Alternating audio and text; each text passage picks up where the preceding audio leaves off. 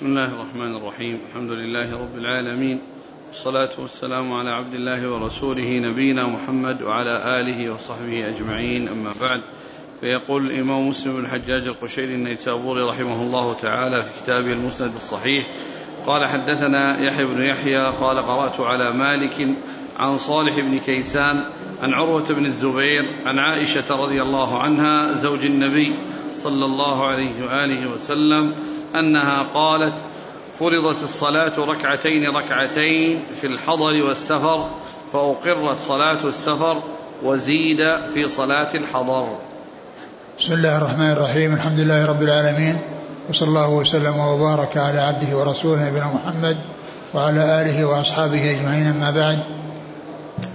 فهذه الأحاديث تتعلق بقصر الصلاة والأحكام المتعلقة بذلك. وذلك في قصر الرباعية من الأربع إلى الثنتين وأما الفجر فهي على حالها ركعتين والمغرب على حالها ثلاث ركعات والقصر مقصور على الصلوات الرباعية. وذكر أحاديث ذكر مسلم رحمه الله أحاديث منها حديث عائشة رضي الله تعالى عنها هذا الذي قالت فيه أن الصلاة أو فرضت ركعتين ركعتين فأقر صلاة الحضر وزيد في صلاة السفر. أقر صلاة السفر وأزيد في صلاة الحضر. والمعنى أن الصلاة أول ما فرضت فإنها ركعتين في الحضر والسفر. وبعد ذلك زيد في صلاة الحضر وبقيت آه، صلاة السفر على على على ما هي عليه. ف وكان القصر آه، رخصة من الله عز وجل بحيث خفف عن المسافرين بدل أن يصلوا أربع ركعات يصلون ركعتين فيكون آه، آه، حصلت الزيادة إلى أربع ركعات ثم إنه خفف عنهم وبقيت الصلاة الرباعية ركعتين. كما كانت عليه من من الفرض اولا والقصر والقصر إنما هو النقص من الرباعية وجعلها ثنتين يعني بدل ما كانت أربع. نعم. قال حدثنا يحيى بن يحيى عن مالك عن صالح بن كيسان عن عروة بن الزبير عن عائشة. نعم. قال وحدث نعم. قال وحدثني أبو الطاهر وحرملة بن يحيى وحرملة بن يحيى قال حدثنا ابن وهب عن يونس عن ابن شهاب قال حدثني عروة بن الزبير أن عائشة رضي الله عنها زوج النبي صلى الله عليه وسلم قالت فرض الله الصلاة حين فرضها ركعتين ثم أتمها في الحضر فأقرت صلاة السفر على الفريضة الأولى. ثم ذكر هذا الحديث ومثل الذي قبله. أن الله فرض الصلاة أول ما فرضها ركعتين يعني في الحضر والسفر وأنها بعد ذلك أتمت صلاة الحضر فصارت أربعا وبقيت صلاة السفر على ما كانت عليه في الفرض الأول يعني أنها أنها آه، آه، حصل فيها آه، البقاء على ما كانت عليه من قصرها من كونها أربع إلى أن تكون ثنتين نعم. قال حدثني أبو الطاهر هو أحمد بن عمرو بن السرح المصري. وحرملة بن يحيى عن ابن وهب. عبد الله بن وهب المصري. عن يونس. بن يزيد الأيلي. عن ابن شهاب. محمد بن مسلم بن عبد الله بن شهاب. عن عروة بن الزبير عن عائشة. نعم. قال وحدثني علي بن خشرم قال أخبرنا ابن عيينة عن الزهري عن عروة عن عائشة رضي الله عنها أن الصلاة أول ما فرضت ركعتين فأقرت صلاة السفر وأتمت صلاة الحضر. قال الزهري فقلت لعروة ما بال عائشة تتم في السفر؟ قال إنها تأولت كما تأول عثمان. ثم ذكر هذا الحديث عن عائشة أيضا وهو مثل ما تقدم وفيه أن عائشة رضي الله عنها كانت تتم في السفر فقيل كيف آه، أتمت عائشة رضي الله عنها وقد وقد روت الحديث بأن صلاة السفر ركعتين قالت إنها تأولت كما تأول عثمان. وعثمان رضي الله عنه تأول بعد مضي ست سنوات من خلافته فصلى أربعا بدل ما كان يصلي ركعتين. كما سيأتي مبينا في الأحاديث السابقة و وقد قيل في التأول الذي حصل من عائشة ومن عثمان رضي الله تعالى عنهما أن المقصود بذلك أن أنهم يعني رأوا أن أنهم يأخذون بالتمام ولا يأخذون بالرخصة التي هي قصرها من أربع إلى ثنتين وإنما رأوا أن يأتوا بها تماما. ولا شك أن سنة هي قصرها كما جاء ذلك عن رسول الله عليه الصلاة والسلام وعن خلفائه أبي بكر وعمر وكذلك عثمان صدرا من خلافته رضي الله تعالى عنه. والمعنى يعني في ذلك أنهم رأوا أن أن هذا يعني القصر يعني من الرباعية وأن إتمامها يكون أربع فرأوا أن فرأوا أن يأتوا بها يعني كاملة. ولكن الاتيان بها مقصورة هذا هو الأفضل وهو الأولى وإن أتي بها تامة فإن ذلك لا بأس به وهو سائر نعم. قال حدثني علي بن خشرم عن ابن عيينة. علي بن خشرم قيل في ترجمته أنه صام ثمانية وثمانين رمضانا يعني صام ثمانية وثمانين رمضانا. نعم. عن ابن عيينة هو سفيان بن عيينة. عن الزهري عن عروة عن عائشة. نعم. أحسن الله إليك. أول ما فرضت الصلاة في الإسلام. نعم هو هذا اللي جاء في عائشة. هو هذا الذي جاء عن عائشة أنها فرضت ركعتين. كم مرة في اليوم؟ خمس صلوات.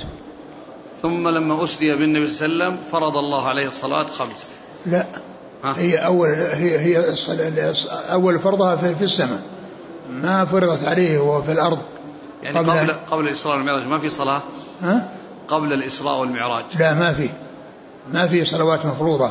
لكنه يعني كان كما هو معلوم كان يتعبد ويتحنث مثل ما كان يحج يعني على على دين إبراهيم.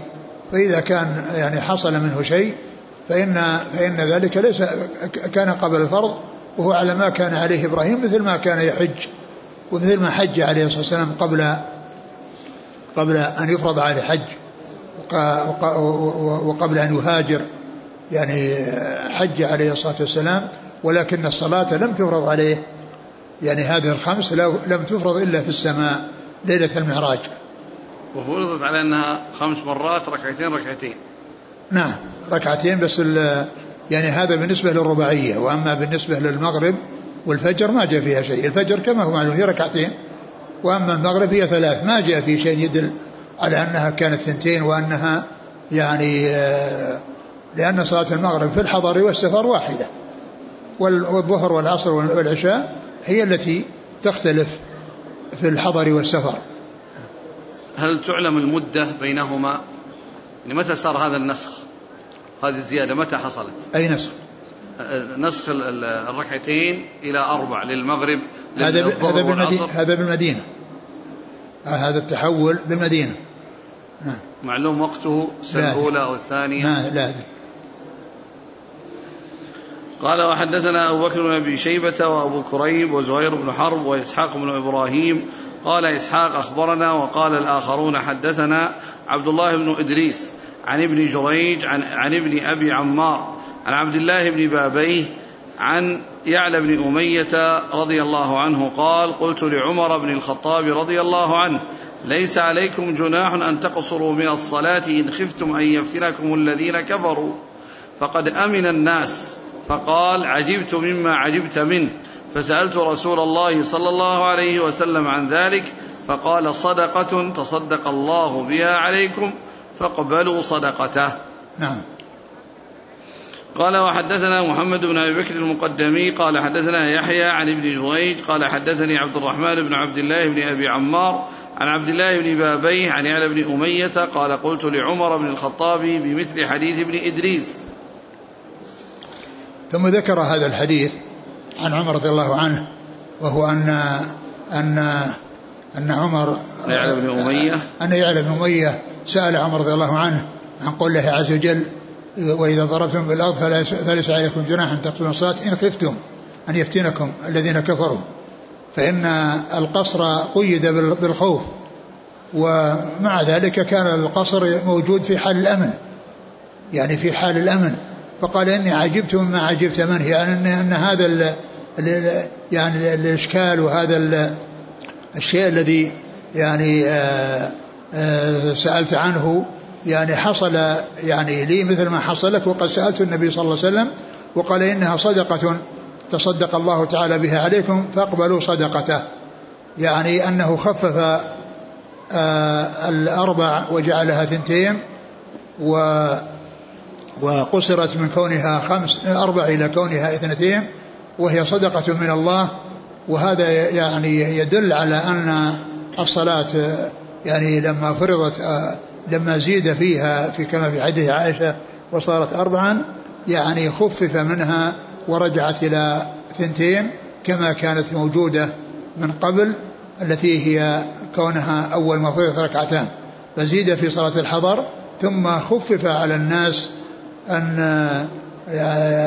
أن يتحولوا من كونها أربعة إلى ثنتين كما كان عليه الأمر موجودا من قبل. والحاصل أن الآية فيها تقييد القصر بالخوف وحصل سؤال عمر رضي الله عنه لرسول الله صلى الله عليه وسلم عن هذا فأخبر بأنها صدقة تصدق الله تعالى بها عليكم فاقبلوا صدقته. يعني بدل ما تصلون أربع في حال السفر تصلون يعني اثنتين. وقد عرفنا من قبل أن القصر هو الأولى والأفضل ولو صليت في السفر الصلاة أربعا فإن ذلك جائز.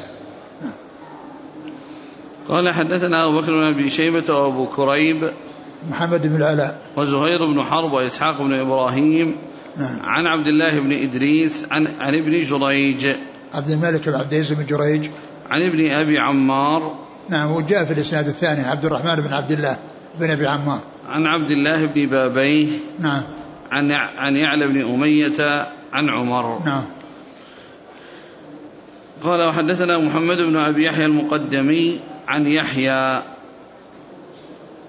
يحيى بن سعيد القطان. عن ابن جريج عن عبد الرحمن بن عبد الله بن أبي عمار عن عبد الله بن بابيه عن يعلى بن أمية عن عمر. نعم.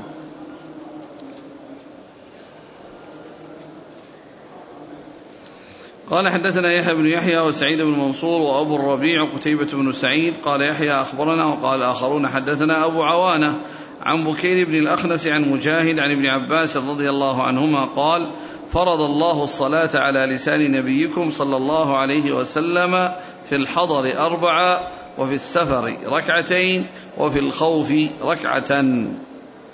ثم ذكر حديث ابن عباس رضي الله تعالى عنهما أن الله فرض صلاة الصلاة في السفر ركعتين وفي الحضر أربعا وفي الخوف ركعة. وهذا يعني محمول على ما إذا اشتد الخوف.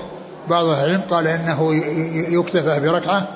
وبعضهم قال إن أن أن أن صلوات الخوف جاءت عن النبي صلى الله عليه وسلم على صور متعددة. ومنها أن في بعضها أنهم صلوا صلى بهم الرسول صلى الله عليه وسلم ركعتين وصار لكل جماعة ركعة فيكون قوله ركعة محمولا على على هذه الصفة التي فيها ما حصل للمأمومين من الاتيان بركعة وفي بعضها ركعة مع الرسول صلى الله عليه وسلم وركعة أخرى يضيفونها ويقضونها فيكون يعني لهم ركعتان ركعة مع الرسول وركعة مقضية وفي بعض الأحاديث أن أن لهم ركعة أن له ركعتان ولكل منهم ركعة. نعم. قال حدثنا يحيى بن يحيى وسعيد بن منصور وأبو الربيع. الزهراني أبو سليمان بن داود. وقتيبة بن سعيد عن أبي عوانة. الوضاح بن عبد الله اليشكري. عن بكير بن الأخنس عن مجاهد. بن جبر. عن ابن عباس. نعم. قال وحدثنا أبو بكر بن أبي شيبة عمرو الناقد جميعا عن القاسم بن مالك. قال عمرو حدثنا قاسم بن مالك المزني. قال حدثنا أيوب بن عائد الطائي عن بكير بن الأخنس عن مجاهد عن ابن عباس رضي الله عنهما قال إن الله فرض الصلاة على لسان نبيكم صلى الله عليه وسلم على المسافر ركعتين وعلى المقيم أربعة وفي الخوف ركعة. ثم ذكر هذا الحديث ومثل الذي قبله وقال فرض الله على لسان نبيه محمد صلى الله عليه وسلم. يعني أن هذا جاء في السنة عن رسول الله عليه الصلاة والسلام وهي وحي من الله عز وجل وهذا مثل قوله وما ينطق عن الهوى إن هو إلا وحي يوحى. فإن السنة وحي من الله كما أن القرآن وحي من الله فكل منه كل كل منهما من عند الله والرسول صلى الله عليه وسلم انه مبلغ وموحى إليه بالكتاب والسنة فإذا قوله على لسان نبيه يعني أن هذا وحي أوحى الله على على على نبيه صلى الله عليه وسلم وبلغه وبلغه الرسول عليه الصلاة والسلام كما أوحي إليه. وهذا آه كما سبق أن أن مر بنا أن هناك نصوص عديدة تدل على أن السنة أنها وحي من الله عز وجل. ومنها ما جاء في الأحاديث المتعددة من قول النبي صلى الله عليه وسلم أمرت بكذا ونهيت عن كذا فإن هذا كله مما جاء في السنة وهو من الله عز وجل. لأن الرسول عليه الصلاة والسلام إذا قال أمرت ونهيت فالآمر الناهي له هو الله عز وجل. ومعنى ذلك أن هذا شيء من السنة وقد أوحي إليه عليه الصلاة والسلام. وكذلك حديث آه، فرائض الصدقة الطويل الذي كتب به أبو هريرة إلى أنس بن مالك وفيه هذه فريضة الصدقة التي أمر الله بها رسوله صلى الله عليه وسلم. هذه فريضة الصدقة التي أمر الله بها رسوله صلى الله عليه وسلم. فذكر الحديث الطويل في آه، بيان مقادير الزكاة من الإبل والغنم والذهب والفضة. وقد قال في أوله التي أمر الله بها رسوله صلى الله عليه وسلم يعني أن السنة وحي من الله. نعم. قال وحدثنا أبو بكر بن أبي شيبة عمرو الناقد عن القاسم بن مالك المزني عن أيوب بن عائد الطائي عن بكير بن الأخنس عن مجاهد عن ابن عباس. نعم. يعني هنا ذكره إن الله فرض على لسان نبيكم الصلاة على المسافر ركعتين وعلى المقيم أربعا. إيه نعم. بينما حديث عائشة ذكرت أن الله فرضها ركعتين. نعم وهذا مثل ما يعني فرضها ركعتين في مقا... وأخبرت بأنه زيد يعني زيد في صلاة يعني فرضها الله أربعا. وهذا من جنسه يعني هذا إخبار بما آل إليه الأمر. إخبار بما آل إليه الأمر وهو كونها أربع قال حدثنا محمد بن المثنى وابن بشار قال حدثنا محمد بن جعفر قال حدثنا شعبة قال سمعت قتادة يحدث عن موسى بن سلمة الهذلي قال سألت ابن عباس رضي الله عنهما كيف أصلي إذا كنت بمكة؟ إذا لم أصلي مع الإمام فقال ركعتين سنة أبي القاسم صلى الله عليه وسلم. وهذا في بيان المسافر إذا كان في بلد وهو من من من, من له القصر يعني وذلك بأن يقيم به أقل من أربعة أيام أربعة أيام فأقل فإنه إذا صلى مع الإمام يصلي أربعا وإذا صلى وحده يصلي ركعتين. مقصورتين. وقد جاء عن ابن عباس نفسه أنه سئل ما بال ما بال المسافر إذا صلى مع الإمام صلى أربعا وإذا صلى وحده صلى ركعتين. قال تلك السنة يعني تلك سنة الرسول صلى الله عليه وسلم. يعني إذا دخل مع الإمام المسافر يصلي أربعا. وحتى لو أدرك بعضها فإنه يقضي ما بقي. ما دام دخل مع الإمام يصلي صلاة الإمام. ولكنه إذا صلى وحده فإنه يصلي ركعتين. نعم.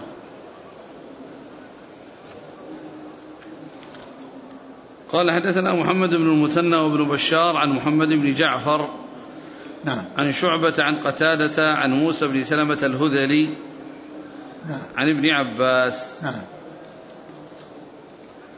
قال وحدثناه محمد بن منهال الضرير قال حدثنا يزيد بن زريع قال حدثنا سعيد بن أبي عروبة ها قال حدثنا محمد بن مثنى قال حدثنا معاذ بن هشام قال حدثنا أبي جميعا عن قتادة بهذا الإسناد.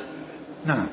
قال حدثناه محمد بن منهال الضرير عن يزيد بن زريع عن سعيد بن أبي عروبة حا قال حدثنا محمد بن المثنى عن معاذ بن هشام عن أبيه. هشام الدستوائي. قال وحدثنا عبد الله بن مسلمة بن قعنب قال حدثنا عيسى بن حفص ابن عاصم ابن عمر بن الخطاب عن أبيه قال صحبت ابن عمر رضي الله عنهما في طريق مكة قال فصلى لنا الظهر ركعتين ثم أقبل وأقبلنا معه حتى جاء رحلة وجلس وجلسنا معه فحانت منه التفاتة نحو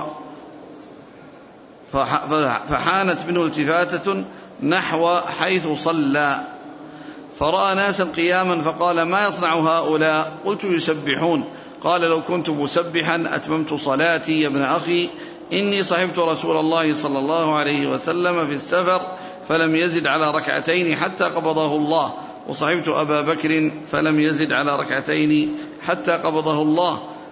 وصحبت عمر فلم يزد على ركعتين حتى قبضه الله. ثم صحبت عثمان فلم يزد على ركعتين حتى قبضه الله. وقد قال الله لقد كان لكم في رسول الله أسوة حسنة. ثم ذكر هذا الحديث عن عبد الله بن عمر رضي الله تعالى عنهما أنه صلى ركعتين وكان مسافرا ثم تحول من مصلاه إلى مكان رحله وأنهم تحولوا معه وثم حصل منه التفاتة إلى مكان صلاته فرأى أناسا قياما يصلون فقال ماذا يصنعون؟ قالوا يسبحون يعني يصلون نافلة. قال لو كنت مسبحا لأتممت. لو كنت مسبحا لأتممت. يعني لو كنت يعني متنفلا لحصل مني الإتمام. وأنا لا لا أفعل هذا ولا أفعل هذا. لا أتم ولا يعني آتي بالنافلة ولكني أفعل كما فعل رسول الله صلى الله عليه وسلم فإنه الذي حصل منه أنه ما كان يعني يأتي بالرواتب وإنما يأتي بالصلاة المقصورة دون أن يأتي برواتب يعني بعدها. فقال لو كنت مسبحا لأتممت ثم أخبر أنه صحب الرسول صلى الله عليه وسلم فلم يزد على ركعتين. وكذلك عمر وعثمان وأبو بكر وعمر وعثمان وعثمان سيأتي أنه كان هذا الفعل الذي فعله كما فعله من قبله إنما هي آه، سنوات من صدر خلافته وبعد ذلك صلى اربعا وتأول كما مر عن عائشة أنها تأولت كما تأول عثمان وأنه رأى أن يأخذ بالتمام وأن أن أن الرخصة يعني له أن يأخذ بالرخصة وله أن يأخذ بالتمام فكان يأتي بالتمام رضي الله تعالى عنه وأرضاه. والحاصل أن هذا استدلال من ابن عباس من ابن عمر رضي الله تعالى عنهما على أن المسافر يأتي بالرواتب ويقصرها وأنه لا يأتي بالرواتب المتعلقة بالصلوات ولكنه يأتي بالنوافل المطلقة مثل صلاة الليل والوتر مثل آه، صلاة آه، الضحى وغير ذلك من النوافل المطلقة. وأما الرواتب التي تكون متعلقة بالصلوات فإنه فإنه فإنه لا يأتي بها وإنما يأتي بالرواتب المطلقة ومنها إلا إلا ركعتي الفجر فإنه يأتي بها لأن السنة ثبتت في ذلك عن رسول الله عليه الصلاة والسلام يعني أن راتبة الفجر هذه لا تترك بل هي من آكد الرواتب لأن الرسول صلى الله عليه وسلم ما كان يترك ركعتي الفجر ولا الوتر لا في حضر ولا في سفر. قال حدثنا عبد الله بن مسلمة بن قعنب عن عيسى بن حفص بن عاصم بن عمر الخطاب عن أبيه عن ابن عمر. نعم. قال حدثنا قتيبة بن سعيد قال حدثنا يزيد يعني بن زريع عن عمر بن محمد عن حفص بن عاصم قال مرضت مرضا فجاء ابن عمر يعودني. قال وسألته عن السبحة في السفر فقال صحبت رسول الله صلى الله عليه وسلم في السفر فما رأيته يسبح ولو كنت مسبحا لأتممت وقد قال الله تعالى لقد كان لكم في رسول الله أسوة حسنة. ثم ذكر هذا يعني هذا الحديث الذي فيه أن ابن عمر زار حفص. نعم. حفص بن قال لا عن عمر بن محمد حفص بن عاصم حفص بن حفص بن عاصم. حفص حفص بن عاصم زاره ابن عمر وكان مريضا فسأله عن السبحة في السفر يعني عن النوافل اللي هو الرواتب. فأخبر أن أن الرسول أنه صاحب الرسول صلى الله عليه وسلم وأنه يعني ما كان يأتي بالرواتب. يعني ومعلوم أن أن ذلك في غير غير غير الفجر. قال ولو كنت مسبحا لأتممت والله تعالى يقول لقد كان لكم في رسول الله أسوة حسنة. فالرسول عليه الصلاة والسلام كان يأتي بالصلاة مقصورة ولا يأتي بالرواتب التي تتعلق بها. قال حدثنا قتيبة بن سعيد عن يزيد عن ابن زريع عن عمر بن محمد عن حفص بن عاصم عن ابن عمر. نعم. يقول السائل أنا عامل بيني وبين مقر عملي مئة كيلو. أسافر كل يوم مئة كيلو وأرجع. هل لي أن أقصر الصلاة؟ نعم له أن يقصر. قال حدثنا خلف بن هشام وأبو الربيع الزهراني وقتيبة بن سعيد قالوا حدثنا حماد وابن زيد. حا قال وحدثني زهير بن حرب ويعقوب بن إبراهيم قال حدثنا إسماعيل كلاهما عن أيوب عن أبي قلابة عن أنس رضي الله عنه أن رسول الله صلى الله عليه وسلم صلى الظهر بالمدينة أربعة وصلى العصر بذي الحليفة ركعتين. ثم ذكر هذا الحديث عن أنس بن مالك رضي الله عنه الذي فيه بيان أن القصر يكون إذا شرع في السفر وإذا دخل في السفر فإنه يقصر وذلك إذا فارق البنيان إذا إذا فارق البنيان البلد الذي هو فيه سواء كان يعني سواء كان من الطين أو من الخيام أو من غير ذلك ما دام أنه يعني مقر سكنه فإنه يبدأ بالسفر إذا فارق يعني هذه المساكن التي يعني يسكن يسكنها ويخرج من البلد فعند ذلك يحصل له الترخيص آه، فعل الرخص. لأن الله تعالى يقول وإذا ضربتم في الأرض ومعلوم أن الضرب في الأرض إنما يكون في مغادرة البلد. في مغادرة البلد الذي هو يسكن فيه يحصل الضرب في الأرض. وإذا ضربتم في الأرض فليس عليكم جناح تقتلون الصلاة. والرسول صلى الله عليه وسلم صلى الظهر لما أراد الخروج لحجة الوداع بالمدينة أربعا في مسجده صلى الله عليه وسلم ثم ذهب إلى ذي الحليفة ونزل فيها ولما جاء العصر صلى ركعتين. ومعنى ذلك أنه بدأ بفعل الرخص بعدما غادر بعدما غادر المدينة وصار في هذا الميقات الذي هو ذي الحليفة فدل على أن المسافر إذا فارق البيوت التي يسكنها سواء كانت من الطين أو من الخيام أو غير ذلك فإنه يبدأ بالترخص. نعم. قال حدثنا خلف بن هشام وأبو الربيع الزهراني وقتيبة بن سعيد عن حماد بن زيد حاء قال وحدثني زهير بن حرب ويعقوب بن إبراهيم عن إسماعيل. ابن إبراهيم. كلاهما عن أيوب. ابن أبي تيمية السختياني. عن أبي قلابة. عبد الله بن زيد الجرمي. عن أنس. نعم. قال حدثنا سعيد بن منصور قال حدثنا سفيان قال حدثنا محمد بن المنكدر وإبراهيم بن ميسرة أنهما سمع أنس بن مالك رضي الله عنه يقول صليت مع رسول الله صلى الله عليه وسلم الظهر بالمدينة أربعة وصليت معه العصر بذي الحليفة ركعتين. نعم وهذا مثل الذي قبله. قال حدثنا سعيد بن منصور عن سفيان ابن عيينة. عن محمد بن منكدر وإبراهيم بن ميسرة عن أنس. نعم. قال وحدثناه أبو بكر بن أبي شيبة ومحمد بن بشار كلاهما عن غندر. قال أبو بكر حدثنا محمد بن جعفر غندر عن شعبة عن يحيى بن يزيد الهنائي قال سألت أنس بن مالك رضي الله عنه عن قصر الصلاة فقال كان رسول الله صلى الله عليه وسلم إذا خرج مسيرة ثلاثة أميال أو ثلاثة فراسخ شعبة الشاك صلى ركعتين. ثم ذكر هذا الحديث عن أنس رضي الله تعالى عنه بعدما ذكر الحديث السابق أن الرسول صلى الله عليه وسلم صلى بذي الحليفة يعني ركعتين العصر وقد صلى الظهر في المدينة ذكر هذا الحديث. الذي فيه أن النبي صلى الله عليه وسلم كان إذا خرج يعني ثلاثة فراسخ أو ثلاثة أميال فإنه يقصر.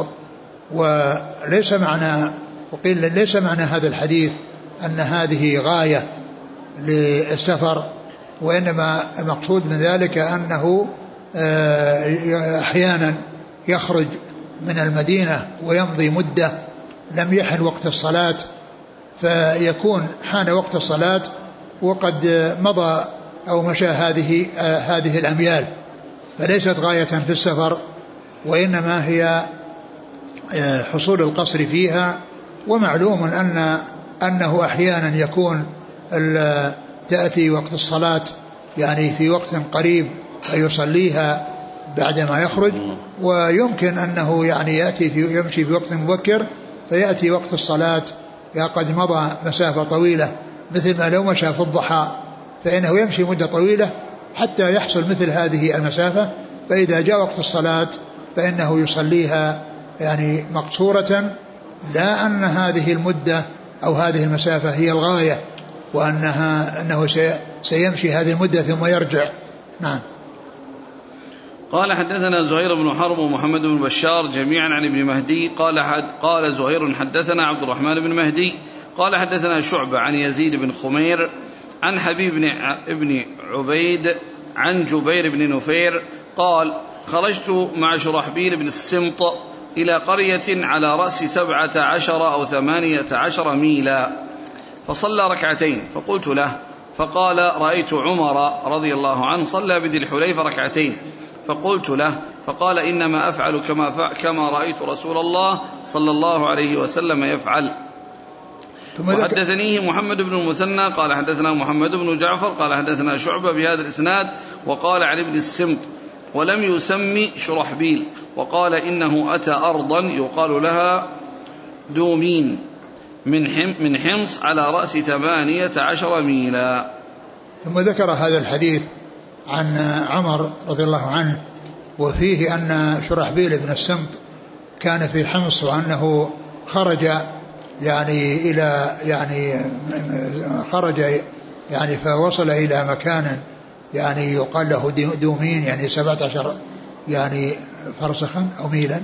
سبعة عشر وثمانية عشر ميلا. نعم سبعة عشر أو ثمانية عشر ميلا وأنه قصر فرجع في ذلك فقال أو حدث عن عمر رضي الله عنه أنه أن النبي صلى الله عليه وسلم قصر في ذي الحليفة وهذا يدل على أن أن المقصود أن أنه يريد أن هذا ليس هو السفر وليس هذا هو الغاية كما مر في الحديث السابق وإنما جاء وقت الصلاة وقد مضى هذه هذه المدة في هذا المكان ويعني استدلاله بفعل عمر وسؤال عمر وإجابته بأن الرسول صلى الله عليه وسلم فعل ذلك يعني يفيد بأن الإنسان عندما يخرج مسافرا فإنه يقصر وسواء كان قريبا من البلد أو بعيدا منه لأنه قد يأتي وقت الصلاة أو لا يأتي وقت الصلاة إلا وقد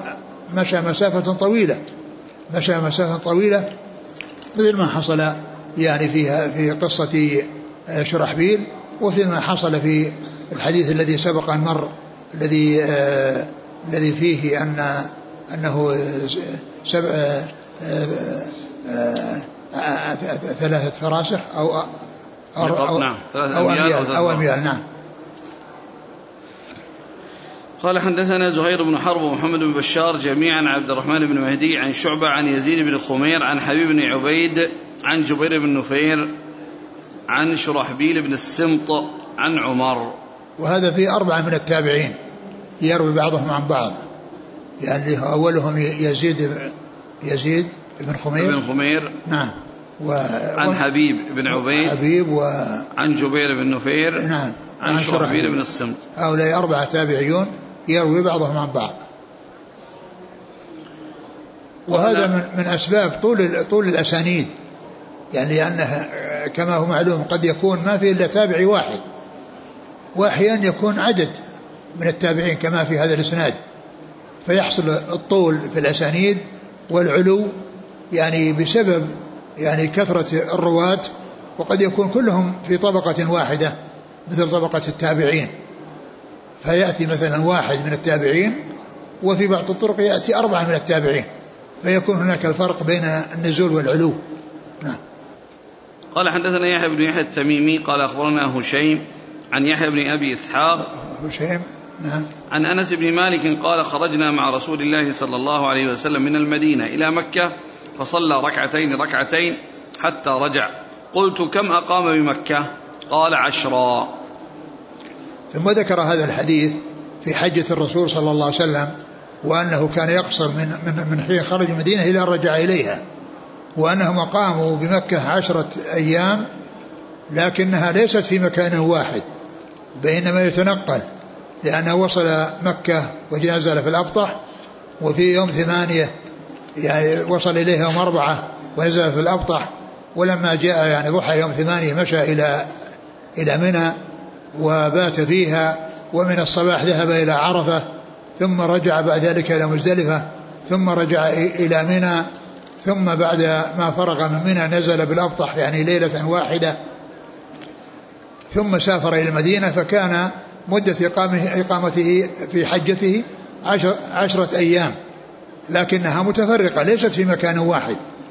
يعني ف يعني آه، لا يدل على أن الإنسان أنه نزل بمكة وأنه نازل مكة وإنما هو نازل في أماكن متفرقة يتنقل في سفره من مكان إلى مكان. فكان هذه المدة التي عشرة أيام هي مدة دخول, دخول من حين دخل إلى مكة ونزل الأبطح ثم إلى حين خروجه عليه الصلاة والسلام بعد الحج. نعم. قال حدثنا يحيى بن يحيى التيمي التميمي عن هشيم. هشيم بن بشير الواسطي. عن يحيى بن أبي إسحاق عن أنس بن مالك. نعم. قال وحدثناه قتيبة قال حدثنا أبو عوانة حا قال وحدثناه أبو كريب قال حدثنا ابن علية جميعا عن يحيى بن أبي إسحاق عن أنس رضي الله عنه عن النبي صلى الله عليه وسلم بمثل حديث هشيم. نعم. قال وحدثنا عبيد الله بن معاذ قال حدثنا أبي قال حدثنا شعبة قال حدثني يحيى بن أبي إسحاق قال سمعت أنس بن مالك يقول خرجنا من المدينة إلى الحج ثم ذكر مثله. نعم. قال وحدثنا ابن نمير قال حدثنا أبي حا قال حدثنا أبو كريب قال حدثنا أبو أسامة جميعا عن الثوري عن يحيى بن أبي إسحاق عن أنس عن النبي صلى الله عليه وسلم بمثله ولم يذكر الحج. نعم. قال حدثنا ابن نمير. محمد بن عبد الله بن نمير. عن أبيه نعم. قال أبو عبد الله بن نمير. نعم. قال وحدثنا أبو كريب عن أبي أسامة. حماد بن أسامة. قال رحمه الله تعالى وحدثني حرملة بن يحيى قال حدثنا ابن وهب قال أخبرني عمرو وهو ابن الحارث عن ابن شهاب عن سالم ابن عبد الله عن أبيه رضي الله عنه عن رسول الله صلى الله عليه وسلم أنه صلى صلاة المسافر بمنى وغيره ركعتين وأبو بكر وعمر وعثمان رضي الله عنهم ركعتين صدرا من خلافته ثم أتمها أربعا ثم ذكر هذا الحديث عن ابن عمر فيما يتعلق بالصلاة بمنى وأن الرسول عليه الصلاة والسلام كان يصلي الصلوات بمنى ويقصر الرباعية وكذلك أبو بكر وعمر وعثمان صدرا من خلافته ثم بعد ذلك يعني أتم وهذا مبين ومفصل لما تقدم لأن عثمان هنا قال يعني وأنه يعني صلى خلف بكر وعمر وعثمان فكانوا يعني فكانوا يقصرون. وهنا ذكر يعني في أنه صلى بمنى آه، آه، الرسول صلى الله عليه وسلم وأبو بكر وعمر كانوا يصلون بمنى ويقصرون وعثمان كذلك صلى صدرا من خلافته ثم ثم إنه أتم. وقد عرفنا ما قيل في وجه إتمامه وأنه لم يأخذ بالرخصة وإنما رأى أن يأتي بالصلاة كاملة. نعم. قال وحدثناه زهير بن حرب قال حدثنا الوليد بن مسلم عن الأوزاعي حا قال وحدثناه إسحاق وعبد بن حميد قال أخبرنا عبد الرزاق قال أخبرنا معمر جميعا عن الزهري بهذا الإسناد قال بمنى ولم يقل وغيره. نعم. قال وحدثناه زهير بن كلمة غيره يعني يقصد بها مثلا مثل الأبطح. يعني لما كان في الأبطح ومثل عرفة ومزدلفة. نعم هذا ولغير منى نعم. قال حدثناه زهير بن حرب عن الوليد بن مسلم عن الأوزاعي. عبد الرحمن بن عمرو الأوزاعي. قال وحدثناه إسحاق. من هو؟ وحدثناه. أه. حاء قال وحدثناه إسحاق بن إبراهيم. وعبد بن حميد. نعم. عن عبد الرزاق ابن همام عن معمر ابن راشد جميعا عن الزهري بهذا الإسناد. نعم. قال حدثنا أبو بكر بن أبي شيبة قال حدثنا أبو أسامة قال حدثنا عبيد الله عن نافع عن ابن عمر رضي الله عنهما أنه قال صلى رسول الله صلى الله عليه وسلم بمنى ركعتين وأبو بكر بعده وعمر بعد أبي بكر وعثمان صدرا من خلافته ثم إن عثمان صلى بعد أربعة. فكان ابن عمر إذا صلى مع الإمام صلى أربعة وإذا صلاها وحده صلى ركعتين. ثم ذكر هذا الحديث عن ابن عمر رضي الله تعالى عنهما الذي فيه مثل ما تقدم أن أن الرسول صلى الله عليه وسلم وأبو بكر وعمر وعثمان في صدر خلافته يصلون ركعتين في منى وأن عثمان أتم فكان ابن عمر إذا صلى وحده صلى ركعتين وإذا صلى مع الإمام صلى أربعا. يعني إذا صلى مع عثمان في منى يصلي أربعا يعني أنه يصلي كصلاة الإمام. ولا يخالفه. نعم. قال وحدثناه ابن المثنى وعبيد الله بن سعيد قال حدثنا يحيى وهو القطان. حا قال وحدثناه أبو كريب قال أخبرنا ابن أبي زائدة. حا قال وحدثناه ابن نمير قال حدثنا عقبة بن خالد. كلهم عن عبيد الله في هذا الإسناد نحوه. نعم. قال وحدثناه ابن المثنى وعبيد الله بن سعيد. نعم. عن يحيى هو القطان حا قال حدثناه أبو كريب عن ابن أبي زائدة. يحيى. يحيى بن زكريا. حا قال وحدثناه ابن نمير عن عقبة بن خالد كلهم عن عبيد الله. عبيد الله بن عمر العمري المصغر. قال وحدثنا عبيد الله بن معاذ قال حدثنا أبي قال حدثنا شعبة عن خبيب بن عبد الرحمن أنه سمع حفص بن عاصم عن ابن عمر رضي الله عنهما قال صلى النبي صلى الله عليه وسلم بمنى صلاة المسافر. وأبو بكر وعمر وعثمان ثمانية سنين أو قال ست سنين. قال حفص وكان ابن عمر يصلي بمنى الركعتين ثم يأتي فراشه. فقلت أي عم لو صليت بعدها ركعتين. قال لو فعلت لأتممت الصلاة. ثم ذكر هذا الحديث في صلاة الرسول صلى الله عليه وسلم بمنى وصلاة أبي بكر وعمر وأنهم كانوا يقصرون وكذلك عثمان يعني في صدر من خلافة ثمان أو ست سنوات ثم إنه بعد أتم وكان يعني صلى العشاء في في منى وذهب إلى فراشه فقال له أي عم لو صليت يعني نافلة قال لو كنت مسبحا لأتممت وهذا مثل كلامه السابق. وفي التعبير بقول الراوي من هو الراوي؟ عن ابن عمر؟ حفص. حفص بن حفص بن عاصم؟ عاصم نعم. حفص بن عاصم هو الذي قال يا عم وهذا فيه الأدب مع الكبار وأن الصغير يخاطب الكبير ولو كان ليس عمه من النسب ولكنه يخاطبه بهذه الصيغة التي فيها الأدب مع الكبار. وكذلك أيضا يقابل ذلك الكبار عندما يكلمون الصغار فإن من من الرفق بهم ومن الإيناس لهم أن يقول الكبير يا بني. نعم. قال وحدثناه يحيى بن حبيب قال حدثنا خالد يعني بن الحارث حا قال وحدثنا ابن المثنى قال حدثني عبد الصمد قال حدثنا شعبة بهذا الإسناد ولم يقول في الحديث بمنى ولكن قال صلى في السفر. نعم. قال حدثناه يحيى بن حبيب عن خالد بن الحارث حا قال حدثنا ابن المثنى عن عبد الصمد. ابن عبد الوارث. قال حدثنا قتيبة بن سعيد قال حدثنا عبد الواحد عن الأعمش قال حدثنا إبراهيم قال سمعت عبد الرحمن بن يزيد يقول صلى بنا عثمان بمنى أربع ركعات فقيل ذلك لعبد الله بن مسعود فاسترجع ثم قال صليت مع رسول الله صلى الله عليه وسلم بمنى ركعتين وصليت مع أبي بكر الصديق بمنى ركعتين وصليت مع عمر بن الخطاب بمنى ركعتين فليت حظي من أربع ركعات ركعتان متقبلتان. ثم ذكر هذا الحديث عن ابن مسعود رضي الله عنه وأنه لما بلغه أن عثمان صلى أربعا استرجع وقال إنا لله وإنا إليه راجعون.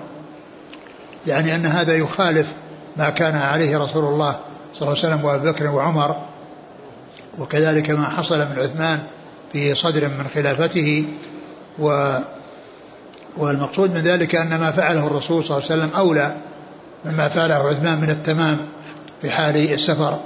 ثم قال ليت قال ليت ليت حظي. قال فليت حظي من أربع ركعات ركعتان متقبلتان. فليت حظي يعني أن يعني أن أن أن كونه يصلي ركعتين هذا هو الأولى وكونه يصلي أربعا يعني خلاف الأولى. قال فليت حظي يعني آه، ركعتان فليت حظي فليت حظي من أربع ركعات. ليت حظي من أربع من هذه بمعنى بمعنى البدلية. ليت حظي بدلا من أربع ركعتان متقبلتان يعني التي يصليهما وحده يصليهما قصرا يعني يعني آه، كونه يعني يصلي آه، ركعتين آه، اللي هي هي القصر وأنها أولى من الأربع. وقال ليت حظي يعني من من ليت حظي من أربع ركعات من أربع ركعات. يعني بدلا من أربع ركعات ركعتين متقبلتين. يعني بدلا من أربع وهذا ومن هذه قالوا إنها بمعنى البدليه مثل قوله ولو نشاء لجعلنا منكم ملائكة منكم ملائكة يعني بدلا منكم. وكذلك ما لكم إذا انفروا في سبيل أرضيتم بالحياة الدنيا من الآخرة. أرضيتم بالحياة الدنيا من الآخرة يعني بدل الآخرة. لأن من تأتي للبدلية بمعنى البدلية وهذا يكون من هذا القبيل. نعم. قال حدثنا قتيبة بن سعيد عن عبد الواحد بن زياد. عن الأعمش. سليمان بن مهران. عن إبراهيم. بن يزيد النخعي. عن عبد الرحمن بن يزيد. نعم. النخعي. عن عبد الله بن مسعود. نعم. قال حدثنا أبو بكر بن أبي شيبة وأبو كريب. قال حدثنا أبو معاوية. حا قال حدثنا عثمان بن أبي شيبة. قال حدثنا جرير. حا قال حدثنا إسحاق وابن, وابن خشرم. قال أخبرنا عيسى كلهم عن الأعمش بهذا الإسناد نحوه. نعم. قال حدثنا عثمان بن أبي شيبة عن جرير. بن عبد الحميد الضبي الكوفي. قال وحدثنا يحيى بن يحيى وقتيبة قال يحيى أخبرنا وقال قتيبة حدثنا أبو الأحوص عن أبي إسحاق عن حارثة بن وهب قال صليت مع رسول الله صلى الله عليه وسلم بنا آمن ما كان الناس وأكثره ركعتين.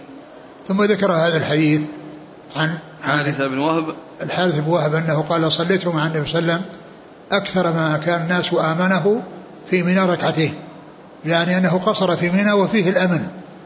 وهذا يبين يعني إشارة إلى قوله ما جاء في الآية إن خفتم أن يفتنكم الذين كفروا وأن القصر لا يكون مختصا بالخوف وإنما يكون في حال الأمن.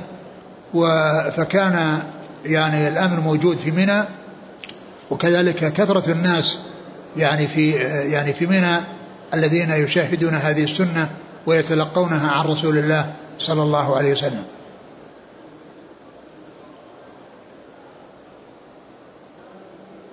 قال حدثني حدثنا يحيى بن يحيى وقتيبة عن أبي الأحوص. سلام بن سليم الحنفي. عن أبي إسحاق. وهو عمرو بن عبد الله الهمداني السبيعي. عن حارث بن وهب. نعم.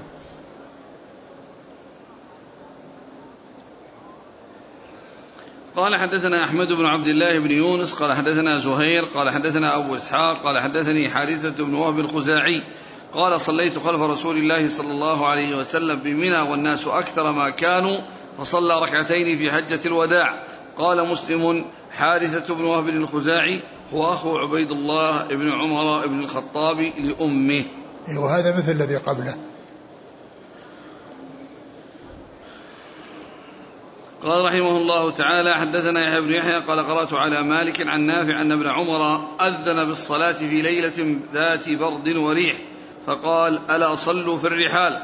ثم قال كان رسول الله صلى الله عليه وسلم يأمر المؤذن إذا كانت ليلة باردة ذات مطر يقول ألا صلوا في الرحال. وهذا وهذه الاحاديث تتعلق بالصلاه بالرحال عندما يكون هناك أمر يقتضي ذلك وهو حصول المطر الشديد وكذلك الريح الباردة التي يعني تضر الناس يعني إذا خرجوا يعني فيها للصلاة. وكان هذا يعني كان احاديث جاءت في الحضر واحاديث جاءت في السفر. وهذا يدل على أن مثل هذا أنها رخصة آه، وأن المؤذن آه، يبلغه الإمام بأنه يقول يعني يضيف إلى الأذان بأن يقول صلوا في رحالكم يعني في الإشارة إلى أن في رخصة ولكن من جاء وتجشم فله ذلك كما سيأتي في بعض الأحاديث ولكن فيه الإشارة إلى حصول هذه الرخصة وأن هذا جاء عن رسول الله عليه الصلاة والسلام.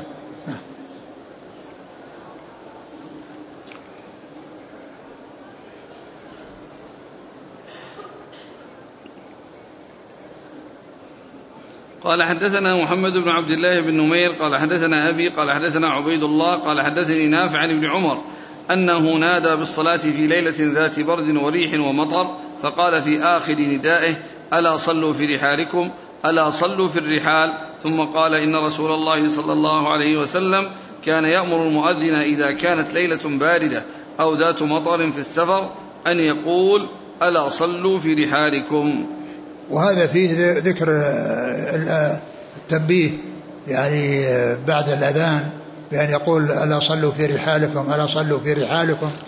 وهذا فيه التنصيص في السفر لكن سيأتي يعني ما يدل على على أن ذلك أيضا ثبت في الحضر. نعم. قال وحدثناه أبو بكر بن أبي شيبة قال حدثنا أبو أسامة قال حدثنا عبيد الله عن نافع عن ابن عمر أنه نادى بصلاة أنه نادى بالصلاة بضجنان ثم ذكر بمثله وقال ألا صلوا في رحالكم؟ ولم يعد ثانية ألا صلوا في الرحال من قول ابن عمر. ثم ذكر هذا الحديث وفيه أنه كان في ضجنان وضجنان مكان قريب من مكة مكان قريب من مكة. نعم.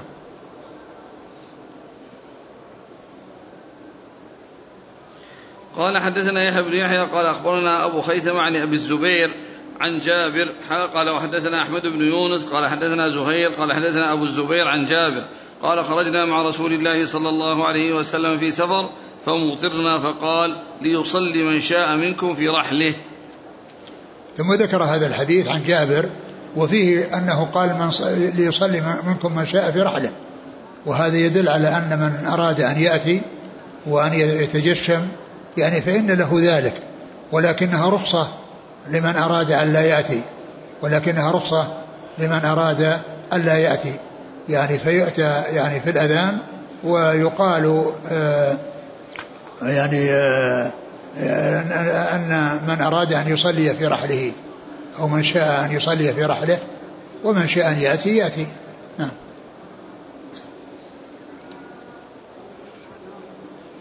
قال حدثنا يحيى بن يحيى عن أبي خيثمة وهو زهير بن معاوية. عن أبي الزبير. محمد بن مسلم بن تدرس. قال وحدثني علي بن حجر السعدي. قال حدثنا إسماعيل عن عبد الحميد صاحب الزيادي. عن عبد الله بن الحارث عن عبد الله بن عباس رضي الله عنهما أنه قال لمؤذنه في يوم في يوم مطير إذا قلت أشهد أن لا إله إلا الله أشهد أن محمدا رسول الله فلا تقل حي على الصلاة قل صلوا في بيوتكم. قال فكأن الناس استنكروا ذلك فقال أتعجبون من ذا؟ قد فعل ذا من هو خير مني؟ إن الجمعة عزمة وإني كرهت أن أخرجكم فتمشوا في الطين والدحض. وهذا فيه يتعلق بالحضر بل وحتى في الجمعة. إذا كان هناك أمر يقتضي هذا فإنه ينادى بهذا النداء. وقد جاء هنا أنه قال بعد حي على بعد أشهد أن محمد رسول الله يعني لا يقول حي على الصلاة وإنما يقول صلوا في رحالكم. ولكن الذي الذي مضى ومر أنه يعني يكون يكون في الآخر وهو, وهو, وهو الأولى من أجل أن يبقى الأذان.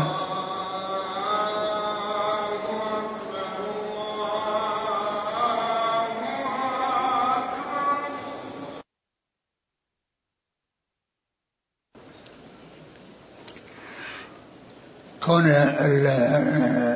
الندى في صلوا في رحالكم بعد الأذان يعني هو الذي جاء في بعض الأحاديث وأنه في آخر الأذان و وأيضا آه، لأن يبقى الأذان على ما هو عليه حتى من أراد أن يأتي يأتي. لأنه كما مر في الحديث يعني من شاء لأن من الناس من يشاء أن يأتي ولو مع المشقة الشديدة ومن الناس من يبقى وله رخصة في ذلك. وله رخصة يعني في ذلك. نعم. قال وحدثنيه علي بن حجر السعدي. عن إسماعيل بن علية. عن عبد الحميد صاحب الزيادي. عبد الحميد بن دينار. وصاحب الزيادي هذه ما أدري يعني وش وجهها. يعني سبق أن مر بنا لها نظير وهو صاحب الدستوائي. وعرفنا فيما مضى أن أنه قيل صاحب الدستوائي لأن فيه يعني ثياب تأتي من دستواء وكان يبيعها وكان يبيعها فيقال صاحب الدستوائي. يعني صاحب اللباس الدستوائي أو يعني الثياب الدستوائية.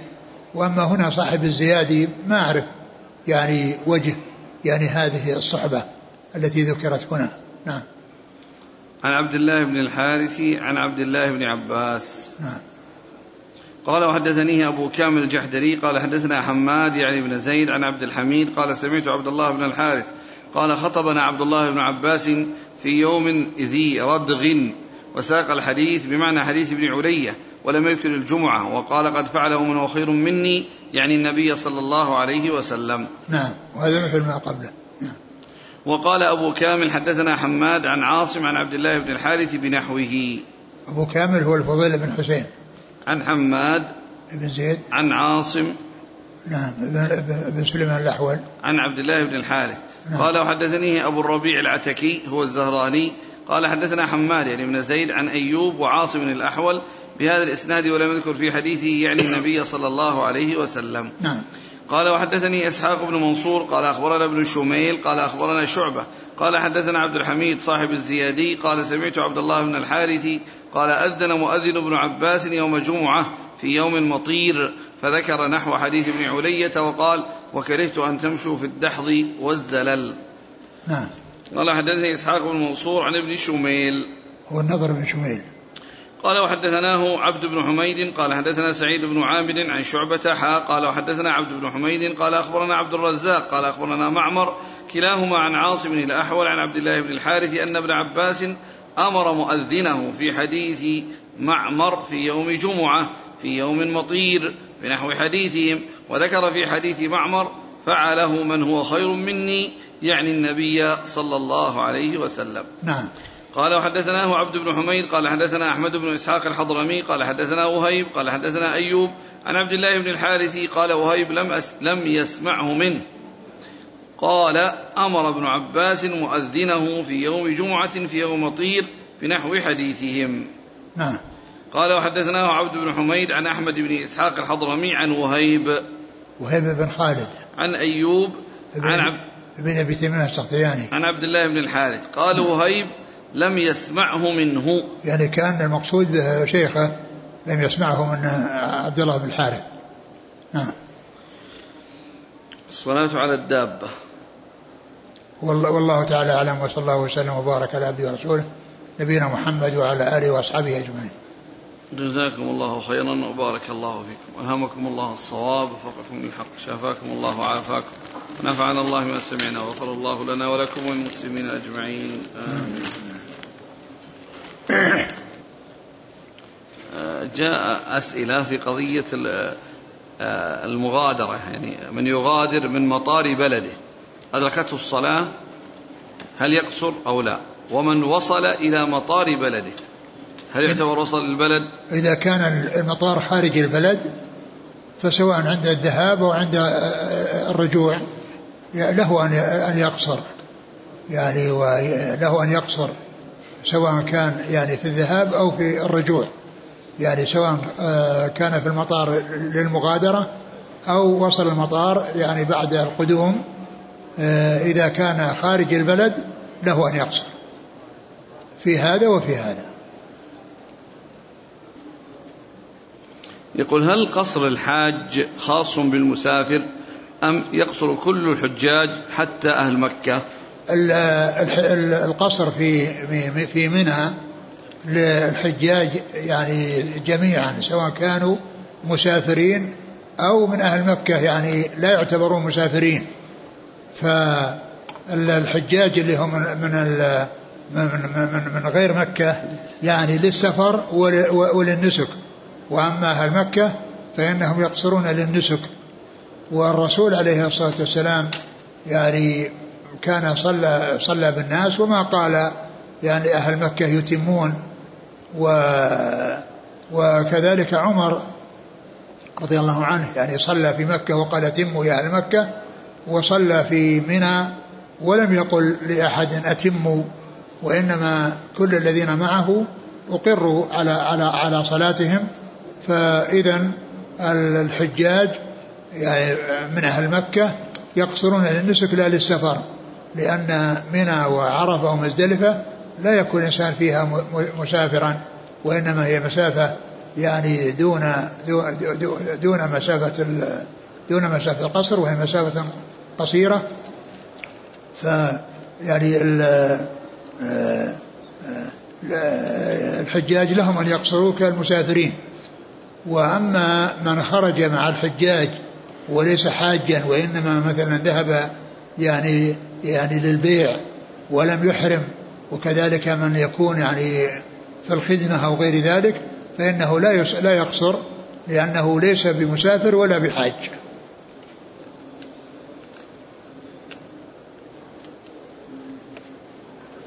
يقول إذا أدركتني صلاة العصر أثناء سفري مع إمام مقيم أدركت منه معه الركعة الأخيرة فهل لي أن أتم ركعة واحدة قصرا وأسلم؟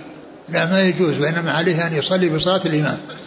يعني يقضي ما فاته يقضي الثلاث إذا أدرك ركعة يأتي بعد سلام الإمام بثلاث. لأن الإنسان إذا صلى مع مقيم صلاة صلاة المقيم يقول هل يقول المؤذن حي على الصلاة حي على الفلاح؟ نعم. أم يقول بدل حيالتين الصلاة هذا هو هذا هو الذي قلناه. قلنا أن جاء في بعض الروايات أنه قال في آخر الأذان. ومعلوم أن أن أن من الناس من يأتي ومن الناس من يأخذ بالرخصة. فيعني يبقى الأذان على ما هو عليه ويؤتى بعد الأذان في ما يفيد الرخصة. يقول كنت في مسجد في بريطانيا ومعلوم أنهم لا يؤذنون خارج المسجد فجعل المؤذن يقول الصلاة في الرحال ولا يسمعه أحد إلا من كان في المسجد. هل هذا الفعل صحيح؟ هذا أقول ما دام من الصوت يعني ما يصل لأحد وجوده مثل عدمه. يقول مدرس من أهل المدينة يدرس في خيبر ويصلي العصر جمعا مع الظهر في الطريق علما بأنه يصل المدينة قرابة الساعة الثانية ظهرا. يجوز الجمع ولكن الأولى